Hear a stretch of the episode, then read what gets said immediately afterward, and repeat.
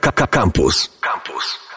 Udało nam się połączyć e, z Wojtkiem Bojanowskim. Specjalny gość w Kapitanie Poranku, korespondent wojenny Faktów TVN i TVN24. Dzień dobry, cześć Wojtku. Cześć, dzień dobry. Jak się czujesz i co u was słychać? Jak wygląda sytuacja teraz w Ukrainie na ten dzisiejszy poranek? Wiesz, powiedziałeś korespondent wojenny, a dla mnie to jest w ogóle jakieś takie strasznie dziwne określenie, bo mi w życiu nie przyszło do głowy, że jakaś wojna będzie się toczyć y, w 2020 roku, a doświadczamy tego codziennie właściwie. Y, no, Wczoraj była taka sytuacja, my jesteśmy teraz w Żytomierzu, to jest, y, ja wiem, że dużo tych miejscowości różnych pada, więc może dobrze byłoby wyjaśnić, gdzie to jest. Jak z grubsza wiadomo, gdzie jest Lwów i gdzie jest Kijów, to to jest tak gdzieś dwie trzecie drogi, mniej więcej 140 kilometrów na zachód y, od Kijowa, duża taka miejscowość po drodze i tutaj codziennie dochodzi do bombardowań. Przedwczoraj został zbombardowany skład paliwowy, wczoraj ponownie e, i, i w nocy, dzisiaj w nocy, my też mieliśmy taką sytuację, gdzie tutaj jak się porusza po Ukrainie jest mnóstwo tych posterunków, takich checkpointów, one się nazywają, e, znaczy nazywa się je blokpostami. Właściwie w całym byłym Związku Radzieckim funkcjonuje takie określenie, no i to są takie barykady, na których e, ktoś kontroluje, jak się przejeżdża paszport, sprawdza, e, sprawdza co jest w samochodzie, zadaje trochę pytań, czasem mniej lub bardziej dociekliwie. I wczoraj mieliśmy taką sytuację, gdzie nagle ci żołnierze podbiegli do nas i mówią, wyłączcie wszystkie światła, wejdźcie do samochodów, bo jakieś samoloty są nad nami. No i rzeczywiście słyszeliśmy, słyszeliśmy jakieś odrzutowce. No i po chwili te odrzutowce zbombardowały jakiś, jakiś most y, obok nas, więc y, no niestety dzieje się dużo. No, my jesteśmy już drugi, drugi tydzień tutaj, na dwa i pół tygodnia jesteśmy na, na Ukrainie i no, po pierwsze ten wybuch tej wojny dla mnie był dużym szokiem. Ja nie wierzyłem w to, że to się wydarzy i, teraz tak już z o wiele mniejszym e, przekonaniem podchodzę do wszystkiego. Znaczy, bo wszystkie rzeczy, w które nie wierzyłem, że się wydarzą, niestety się wydarzają. I na początku to wszystko się działo bardzo szybko. E, To, to znaczy obserwowaliśmy te ruchy wojsk jeszcze będąc w Kijowie i, i widzieliśmy, że m, no, dosyć szybko ta inwazja postępuje, ale teraz dochodzimy do takiego momentu, gdzie rzeczywiście dochodzi codziennie do nalotów, dochodzi codziennie do, e, do bombardowań, ale z drugiej strony e, Rosjanie chyba nie spodziewali się aż takiego oporu. I to jest e, coś, co gdzieś tu z bliska widzimy. Po pierwsze, bardzo dużo wsparcia cywilów w różny sposób, to znaczy e, no, ci, którzy mogą i to bez, względu na płeć łapią za broń i kobiety i mężczyźni.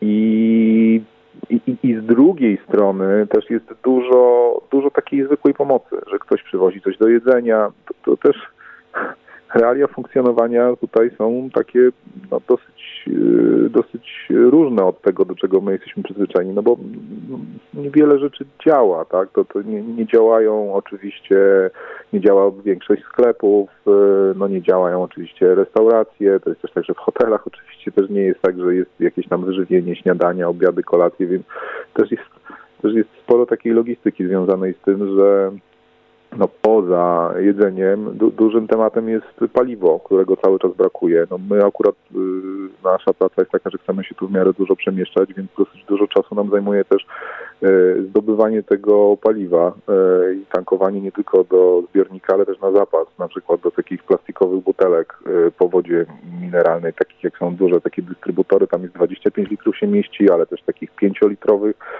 więc y, no to dziwne, ale też dosyć szybko można się do takiej, do takiej zupełnie dziwnej rzeczywistości przyzwyczaić. Znaczy rzeczywistości, która jest przerywana alarmami przeciwlotniczymi e, kilka razy dziennie. E, no i wtedy wszyscy zbiegają do schronu, e, czekają, wychodzą. No i w większości wypadków no jednak te, te alarmy jakby mają sens. To nie jest tak, że one są i to są jakieś, nie wiem, ćwiczenia czy cokolwiek innego, tylko zwykle przy okazji takiego alarmu gdzieś rzeczywiście spada bomba, bądź spada jakaś rakieta w mniejszej lub e, większej odległości. E, No i, i, i ta rzeczywistość, e, no już dwa tygodnie to wszystko trwa, więc ja jestem też trochę zaskoczony tym, że można się w dziwny sposób do, do takiego funkcjonowania przyzwyczaić. Mówisz o przyzwyczajeniu do funkcjonowania. Ja zastanawiam się, czy y, jest w tobie y, strach, kiedy, y, kiedy w ogóle tam jesteś? Czy jeszcze w ogóle boisz się tego wszystkiego, co tam się dzieje? Widzieliśmy takie nagranie y, już dobre kilka dni temu, jak jeszcze byliście w Kijowie, gdzie w trakcie nagrania rakieta przeleciała ci nad głową i kawałeczek dalej walnęła w wieżę telewizyjną. I właśnie, czy można się bać? Nie, no trzeba. Znaczy po prostu jeśli ktoś się nie boi, to nie, nie wróżę jakiejś dobrej przy, przyszłości. Znaczy to jest naturalne, oczywiście, że się boimy. Znaczy, to, to, to nie jest tak, że mamy, nie wiem, wy, wycięty y, jakiś kawałek mózgu odpowiedzialny za, za strach. I, I pewnie, że się boimy. I, I ja to się najbardziej właśnie boję takich ludzi, którzy no, twierdzą, że się nie boją, bo to naprawdę jakby, e, no, no, to nie jest bardzo trudne, żeby sobie zrobić, e, znaczy, żeby dać sobie zrobić krzywdę, więc więc e, ja też nawet myśląc jakby z kim chcę pracować razem, bo czasem jest tak, że się jakoś tam z jakimiś dziennikarzami zgadujemy i robimy coś razem, to raczej wybieram takich, którzy też się czegoś boją, e, bo e, no, mamy wszyscy rodziny, mamy wszyscy domy, do których chcemy wrócić i to też nie jest tak, że jesteśmy jakimiś nie wiem, adrenaline junkies i tutaj szukamy tylko guza jakiegoś i w ogóle nie, znaczy to zupełnie tak nie jest. Znaczy ja, ja y, chciałbym, chciałbym tu nie być i chciałbym, żeby rakiety nie przelatywały mi też nad głową. Zresztą ta sytuacja, Filip, o której mówisz, to było totalne zaskoczenie. To, to było tak, że no ja w ogóle w 2014-2015 roku, jak byłem też na, na Ukrainie i w Donbasie, dużo było takich sytuacji, gdzie naprawdę ładowaliśmy się totalnie niechcący w jakieś tarapaty, w jakieś ostrzały moździerzowe, gdzieś tam chowaliśmy się po jakichś przystankach, nie wiem, o, dzwoni mi budzik. E, w, jakieś, w, jakieś, w jakieś naprawdę dziwne sytuacje i najczęściej to jest tak, i to jest też dosyć charakterystyczne, że to nie jest tak, że specjalnie chcemy się pakować w jakieś niebezpieczeństwo, tylko to się po prostu zdarza. Tam sytuacja wyglądała tak, że chcieliśmy nagrać, jak wygląda właśnie taki posterunek, facet nas tam oprowadzał, pokazywał, że a, tu się grzejemy, tu mamy zapasy, a tu robimy koktajle Mołotowa. Zresztą przepis jest bardzo prosty, wystarczy benzyna, trochę oleju samochodowego, a ewentualnie mydła, szmatka, butelka i ciach i tego się produkuje w tysiącach. Znaczy w tych wszystkich, na tych wszystkich posterunkach jest y, naprawdę, no nie wiem, no co najmniej setki butelek na każdym posterunku y, gotowych. I też jeszcze a propos takich technikaliów, to są takie, ja nie wiem jak to się nazywa, ale wydaje mi się, że to są z knajp taki, taki gaz, żeby zrobić na przykład, nie wiem, jakieś takie creme brulee albo coś takiego, że tak się przysmaża, że to jest o wiele fajniejsza zapalniczka, bo taką zwykłą zapalniczką zapalanie tych koktajli Mołotowa to nie jest y, chyba łatwe, więc oni mają takie, to jest takie do opalania czegoś, wydaje mi się, w restauracjach. Nigdy czegoś takiego nie miałem, ale na kilku posterunkach to, na kilku posterunkach już też to y, widziałem.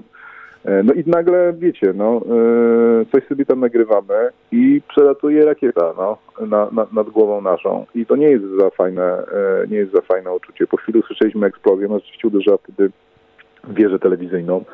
Zniszczyła tam jakieś nadajniki. Już trochę się Ukraińcy pozbierali, bo wczoraj widziałem, że, bo przez chwilę nie nadawała ukraińska telewizja, ale coś tam na, ponaprawiali i, i można rzeczywiście tą, tą telewizję oglądać. Ale tak jak mówię o tym zapalaniu tych koktajli Mołotowa i tych różnych pomysłach, to ja jestem pod też bardzo dużym wrażeniem, obserwując to z bliska takiej społecznej mobilizacji. Znaczy ja myślę, że możemy być też, my Polacy możemy być dumni też z tego, jak udało się zmobilizować no, tysiącom wolontariuszy i przy granicy, i w większości dużych miast. W Warszawie też bardzo dużo osób się, się w taką pomoc angażuje i, i czuć jakiegoś takiego ducha. Tu na miejscu też czuć jakiegoś takiego ducha. I, i wydaje mi się, że Gdyby to był pojedynek taki na morale i na, na to, komu zależy i na to, ile kto ma tam serducha w to wszystko włożonego, to Ukraińcy biją Rosjan na głowę 10 razy. To jeszcze muszę zapytać o jedną sprawę, y, bo Kilka dni temu byliście w Białej Cerkwi, to jest miejscowość na południe od y, Kijowa i chyba jako pierwsza ekipa telewizyjna trafiliście na osiedle mieszkaniowe, gdzie, gdzie, gdzie spadły bomby, gdzie spadły rakiety i stamtąd relacjonowaliście, jak to wygląda. I wiadomo, w telewizji widzimy pewien wycinek rzeczywistości. A jak to wygląda tam na miejscu, kiedy przyjeżdżacie w takie miejsce, dopiero co wydarzyła się tam wielka tragedia i, i wy tam jesteście i, i co tam się dzieje? No, kurczę, no to jest jest przerażające. No. To, to jest tak, że jak ja sobie myślę też o, o, też o tej naszej pracy, to ja nauczyłem się przez lata też wchodzić w taki bardzo zadaniowy tryb, taki tryb trochę robokopa, że myślę sobie, o, tu musimy pojechać, mamy jakiś tam adres, myślę o tym, żebyśmy mieli, mieli internet, żeby działał, myślę sobie o prądzie, e, żeby poładować wszystkie te nasze sprzęty i tak dalej i gdzieś tam o tym, co będzie dalej, ale no, to, to, to, o czym mówisz, mm, było, było straszne. No, ja pamiętam, że, że weszliśmy do domu takiego, obok którego spadła ta rakieta i tam była taka, taka dziewczyna w takiej czerwonej kurtce, która strasznie zaczęła płakać i zaczęła yy, yy, czy to no ona, ona była w tym domu zaraz, no ona była w tym domu w momencie, w którym ta rakieta spadła yy, z dzieckiem na, na piętrze i gdzieś tam coś tam w nich uderzyło, jakiś kawałek kawałek okna, ale udało im się, udało im się uciec i ona to próbowała coś z tego domu zbierać jeszcze. Rzeczywiście byliśmy tam po tym, po, po, po tym nalocie, no, nie wiem, godzinę czy tam półtorej godziny po tym, jak, jak ta bomba spadła. I ci, ci ludzie też chcą nam opowiedzieć o tym, że nagle no, nagle ich życie się, się zmienia o, o 180 stopni i, i wydaje mi się, że takie, takie poczucie bezpieczeństwa, które się traci i to dotyczy wszystkich, znaczy nie tylko tych, których dom został zbombardowany e, czy zniszczony, ale wszystkich. Znaczy to, że mm, no możesz w każdego dnia przegrać na, na, na jakiejś, yy, jakiejś diabelskiej loterii i, i, i, może zginąć twoja rodzina, może zostać zniszczony twój dom, mogą po prostu gdzieś zniszczone zostać wszystkie twoje marzenia, to, to towarzyszy tu właściwie właściwie wszystkim. Ja, ja mam przed oczami też twarze tych, tych wszystkich ludzi, z którymi rozmawialiśmy też w szpitalu. Jesteśmy teraz w Żytomierzu, byliśmy w szpitalu dwa dni temu i to jest taka miejscowość troszkę bliżej Kijowa, Makarów, gdzie się toczą ciężkie walki i mnóstwo cywilów, mnóstwo, mnóstwo żołnierzy. I to jest też ja się przyzwyczaiłem do tego, że my tam, to jest trochę tak jak y, mówimy właśnie o tyle osób nalot, tyle osób zostało zabitych, tyle osób zostało rannych i, i tak długo jak to jest takim, takim statystycznym newsem, to jest. Zobaczy, to znaczy, że ktoś jest ranny, że na przykład nie ma ręki, albo na przykład wbił mu się jakiś metalowy kawał e, żelastwa w głowę i że musiała na przykład matka zostawić dzieci e, swoje, nie wiem, z babcią tam, bo babcia nie była w stanie wyjechać, a, e, a, a, a kobieta została przewieziona do szpitala i się martwi bardzo o to, co tam się dzieje. I jakby zaczyna, to znaczy próbuje coś kombinować, a z drugiej strony nie ma kto tego zrobić, bo na przykład jej mąż walczy gdzieś w Donbasie, to liczba tych historii wszystkich jest, e, jest przerażająca. I, i oglądanie tego z bliska to to na pewno nie jest nic, y, na pewno nie jest nic łatwego. Ale ja mam takie poczucie, że y, no nie wiem, jakieś takie dziwne, znaczy takie poczucie, że powinniśmy to robić, bo cholera, no, dzieje się to, dotyczy ludzi takich samych jak my, dzieje się tuż za naszą granicą. I no ja mam takie, takie może dosyć naiwne poczucie, że jeśli zrozumiemy że to się dzieje naprawdę i że to naprawdę jest coś, co nie ma prawa się dziać, to, to być może ktoś jakąś minimalnie lepszą decyzję podejmie. Z drugiej strony ta reakcja Zachodu, tak jak sobie ją mogę wyobrazić, no jakaś jednak jest. I, i, I, myślę, że ludzie też to czują tutaj na miejscu i, i czują dużo wsparcia. Zresztą my Polacy się bardzo dużym, e, znaczy z bardzo dużą sympatią my się spotykamy i, i, w ogóle no, bycie w tym momencie Polakiem e, na Ukrainie, e, no to jest, jest, jest powód do, do dumy w jakimś sensie. Znaczy oni wiedzą o tym wsparciu, oni wiedzą jak bardzo Polska próbuje im pomagać, ale też bardzo tej pomocy potrzebują i bardzo na tę pomoc liczą. Naszym gościem był Wojtek Bojanowski, reporter TVN24 i Faktów TVN, korespondent wojenny w Ukrainie. Y, Wojtku, bardzo dziękujemy za twoją pracę, bardzo dziękujemy za tą rozmowę. Jednocześnie y, Wojtka widzicie na, na antenie, na ekranie y, telewizora, ale też są z nim tam Marcin Piankowski i Kamil Struzik, którzy razem z nim tam działają. Panowie, bardzo wam dziękujemy i trzymamy mocno za was kciuki i życzymy, żebyście mieli jak najmniej pracy. No, powodzenia. Wielkie dzięki, wielkie dzięki. Trzymajcie się, wszystkiego dobrego. Na razie. Na razie. Słuchaj Radio Campus, gdziekolwiek jesteś. Wejdź na www.radiocampus.fm.